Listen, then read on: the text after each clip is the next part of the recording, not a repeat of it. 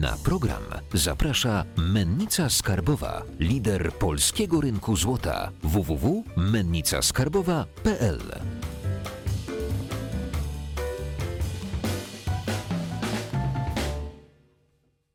Jacek Jakubiuk, witam Was na kanale Finansowy Preppers. Dzisiaj z nami inwestor indywidualny, prezes Wiceprezes Izby Gospodarczej Blockchain i Nowych Technologii. Jakub Mościcki. Witam. Y, Jakub, ja y, bardzo chciałbym, żebyś coś tam kiedyś pozytywnego powiedział o inwestowaniu. Wiem, że teraz jesteś w trakcie kończenia książki Nie inwestuj. Y, Tak, Tytuł książki jest Nie inwestuj.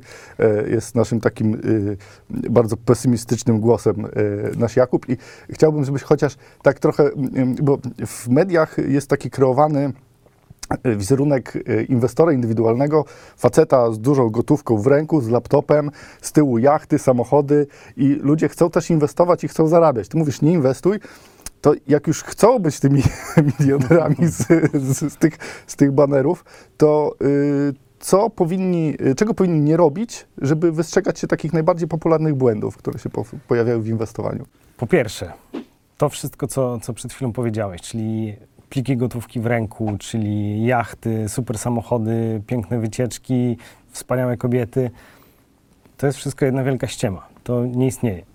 E, 90, w zależności od tego, jakie, na jakie statystyki spojrzymy, od 79%, tak jak pokazuje KNF, do 95%, e, jakie są najnowsze badania w, z Brazylii odnośnie inwestorów indywidualnych, takich day, tra- day tradingowych, no to nie tracą. Wszyscy tracą. E, I ta, te 5% pozostałe, które tam e, nie traci, no to nie jest automatycznie mm, wskaźnikiem tego, że oni zarabiają miliony, tylko oni po prostu nie tracą. Jak ktoś chce zarobić więcej niż pensję minimalną, no to się musi załapać w ten 1%, który tam zostaje na samym, na samym końcu.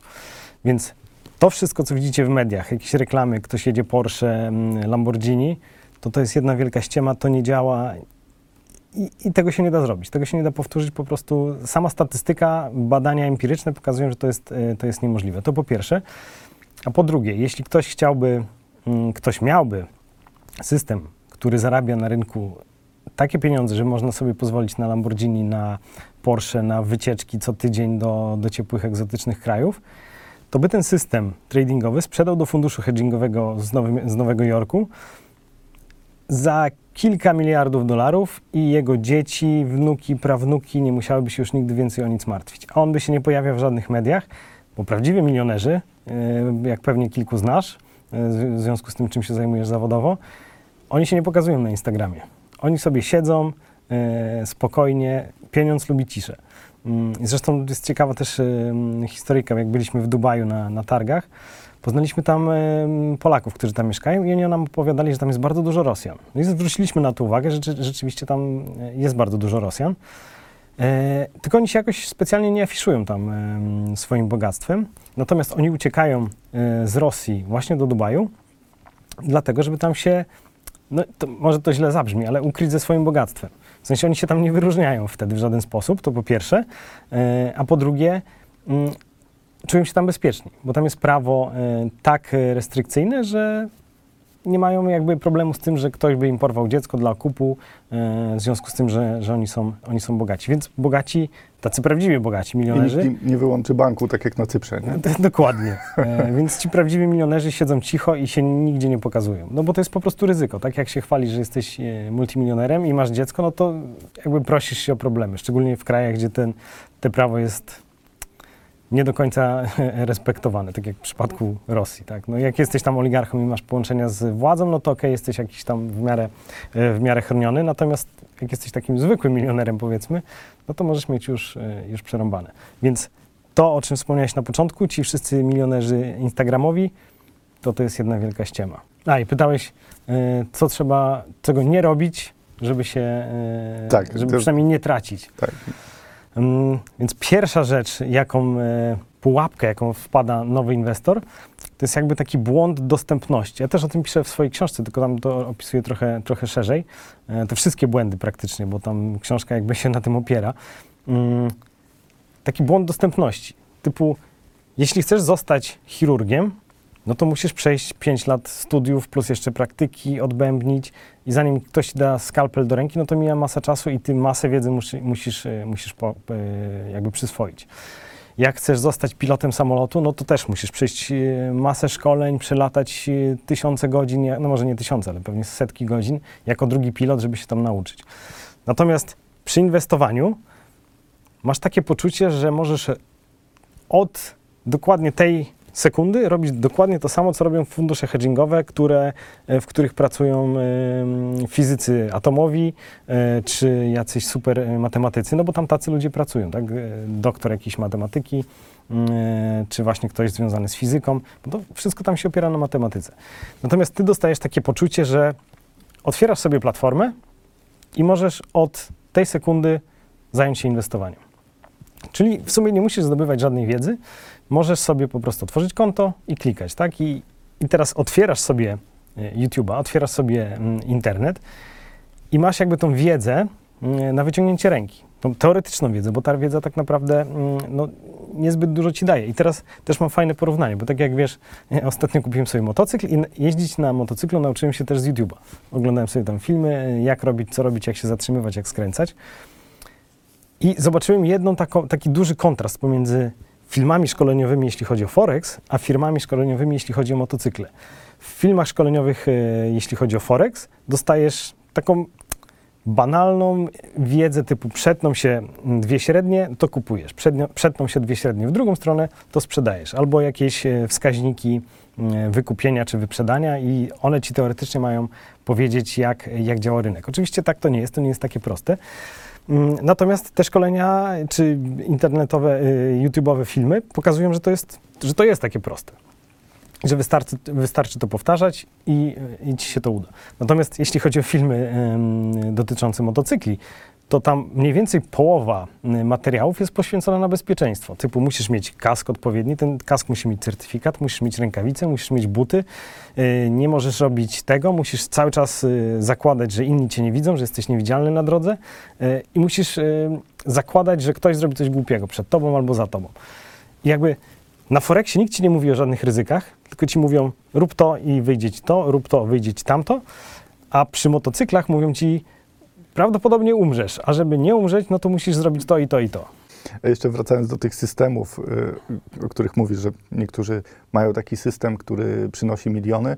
I ostatnio, jak byłem w biurze maklerskim na rozmowie, y, była taka, był taki produkt, w którym ty podpinasz się pod transakcje najlepszych traderów, których oni mają. I wybierasz sobie tradera, koło niego są procenty, ten zarobił w tamtym miesiącu tyle, ten tyle, ten tyle, ten tyle i możesz się podpinać i dublować jego transakcje.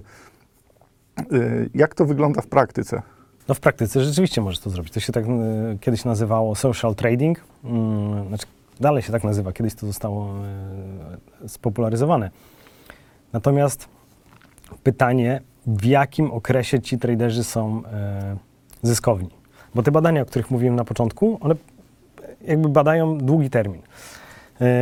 Naszego wspólnego znajomego Rafała Zaorskiego kojarzysz? On też potrafi zarabiać, do chwili, aż przestaje zarabiać i wtedy bankrutuje i już nie zarabia. E, Więc pytanie, w jakim okresie są te badania? Czy oni potrafią zrobić wynik miesiąc w miesiąc, rok w rok? Warren Buffett ma średnią e, zysku chyba 20% rocznie. No to jak spojrzysz na, na tych traderów, którzy tam zarabiają, no to to jest nic. No nie podpiąłbyś się pod takiego, no bo co, 20% rocznie, po co ci taki? E, To, to nie warta gra świeczki jest. Mm, Natomiast w krótkim okresie, oczywiście, przez miesiąc, jak trafisz w trend, możesz zarobić. E, Chyba ze dwa miesiące temu, czy miesiąc temu nagrałem film dla, dla kanału Veto, gdzie mówiłem, że mam takie inwestycyjne déjà vu. E, W 2017 roku, jak mieliśmy nasz, nasz trading room, tradowaliśmy wtedy na kryptowalutach, wtedy każdy był mądry, wszystko rosło. Co byś nie kupił, to rosło do góry o 100, 200, 300%. Yy, I wtedy wszyscy zarabiali, tak? I jakbyś wziął tylko ten koniec roku, powiedzmy tam listopad, grudzień, no to ci traderzy praktycznie wszyscy byli zarobieni 100, 200, 300, niektórzy 1000%. No i decydujesz w grudniu, ok, podpinam się pod tego, co zrobił 1000% i w styczniu jesteś 70-90% w plecy.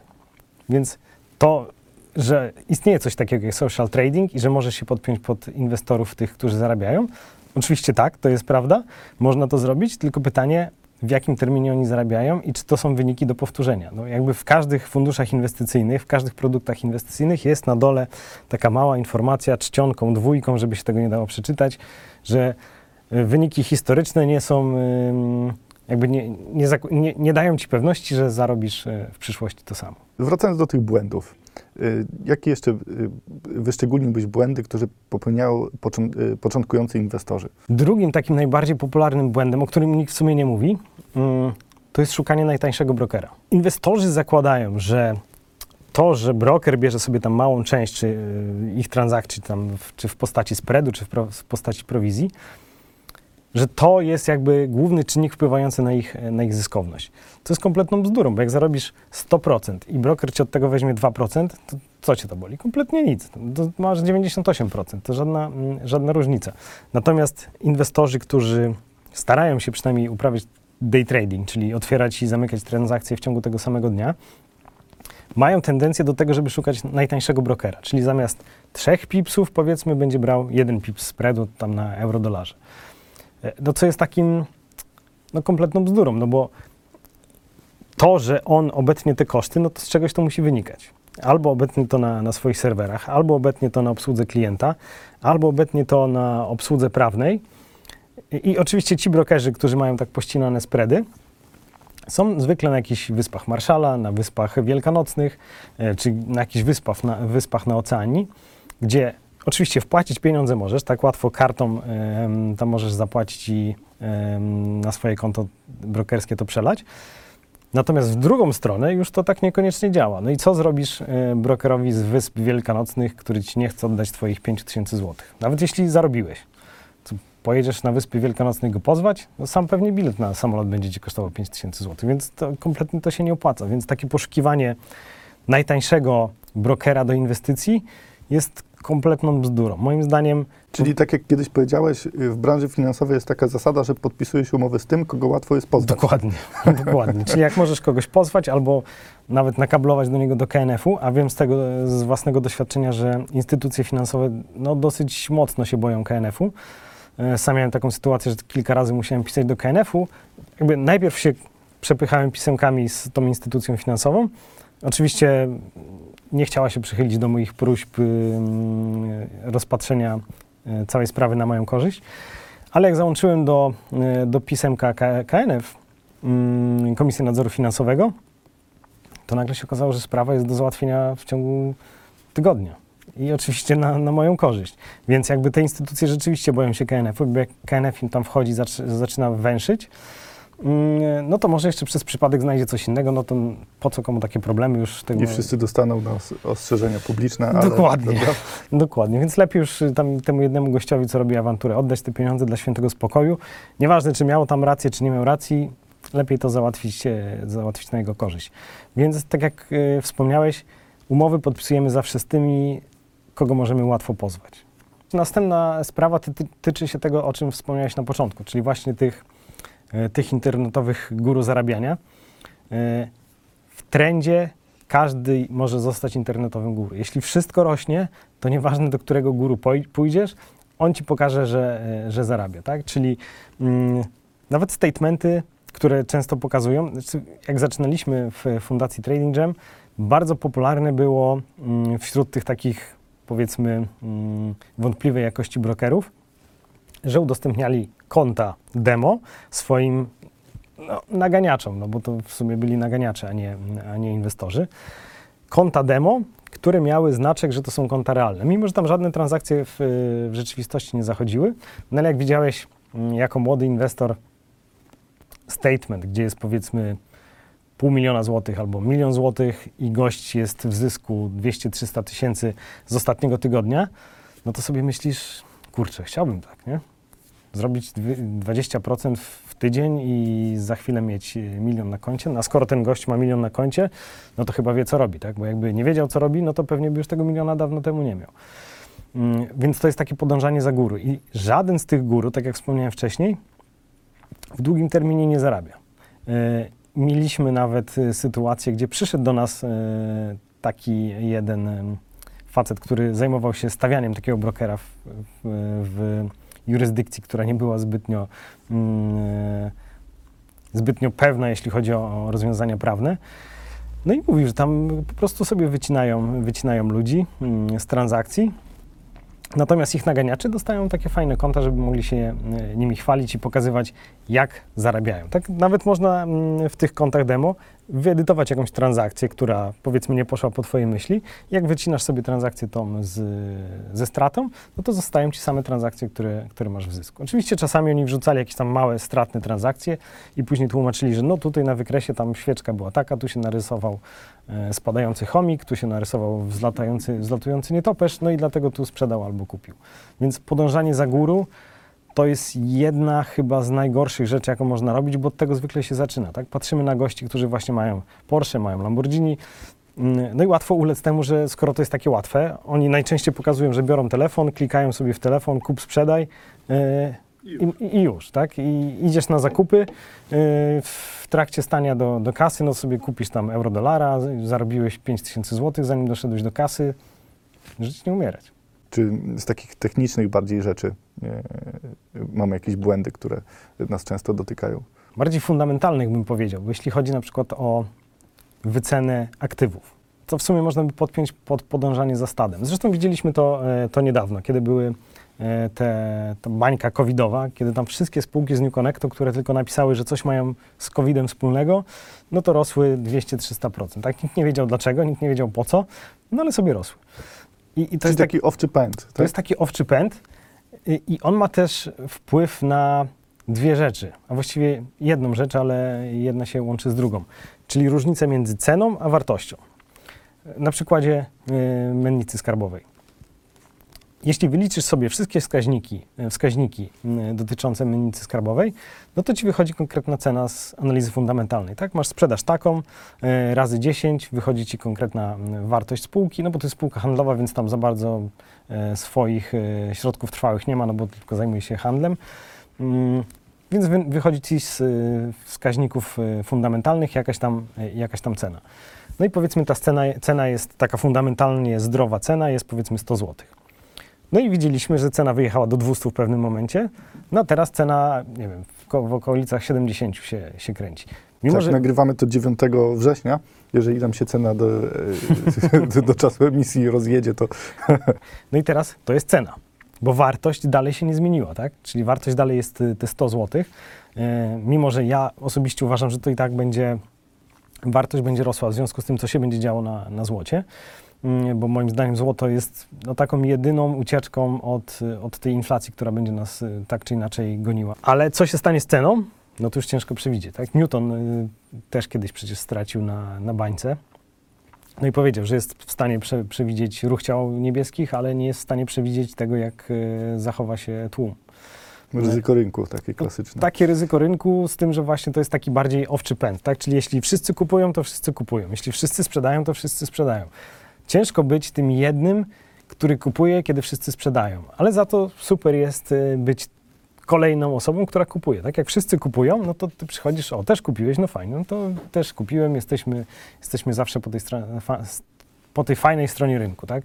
I teraz jeśli ty teraz powiesz, że kupujesz akcję mennicy skarbowej, bo jest tanio, no to wszyscy się będą pukać w głowę i mówić, no przecież to spada, tak? Przecież cena jest y, 70, zaraz może będzie 50, a później może 30 i wróci tam z ceny, No tak. ceny sprzed roku. Chciwość i strach to są chyba też takie dwie emocje, które bardzo mocno Tak, działają na tak, ludzi. ale to zwykle się dzieje już tam w, w granicach ym, albo super dołka, albo super górki. To, co widzieliśmy na, na akcjach Tesli, kiedy przy dwóch tysiącach, y, jak ktoś kupował, no to nikogo to nie dziwiło, tak? Tesla, Tesla ym, 2000, wszyscy kupują, no to kupujesz, tak? I y, jakby dotyka cię to tak zwane FOMO, czyli fear, of missing out, czyli że wszyscy zarobili na tych dwóch tysiącach, na tym rajdzie na 2000, a ty jesteś jedynym, który stał z boku i mówi, że to jest głupota, bo ta spółka nie jest tyle warta.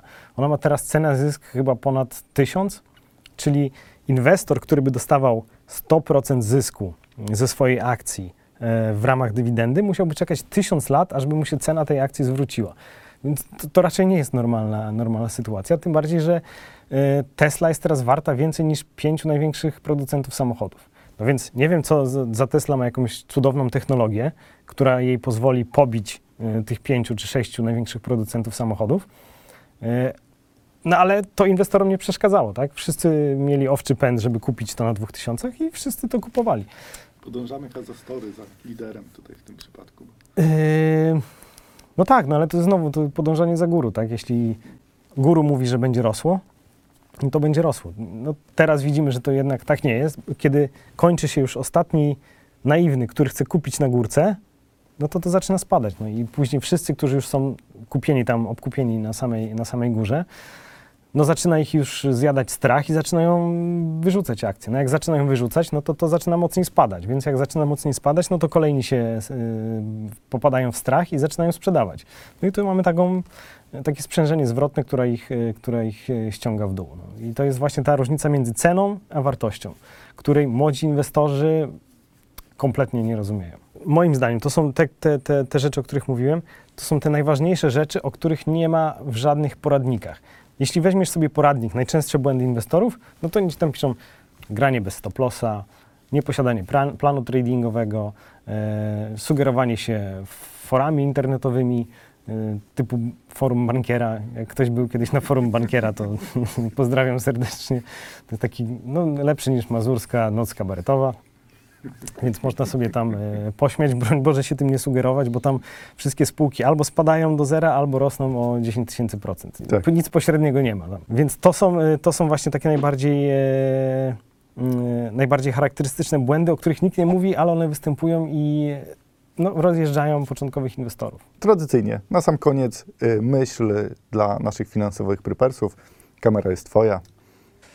Jeśli prepersi, no to inwestujcie tylko tyle, ile możecie stracić i że ta strata was nie zaboli. To jest taki komunał, który powtarzają, który powtarzają e, wszyscy, e, ale to się naprawdę sprawdza i teraz widzimy to na, na pękającej bańce covidowej. E, inwestujcie tylko tyle, ile możecie stracić. Dziękuję Wam bardzo serdecznie. Naszym gościem był Jakub Mościcki. Jeżeli macie jakieś pytania, piszcie w komentarzach i zapraszam Was do merytorycznej dyskusji na naszą grupę na Facebooku, który link jest w opisie. Dziękuję. Do następnego razu. Cześć. Dzięki wielkie, do zobaczenia.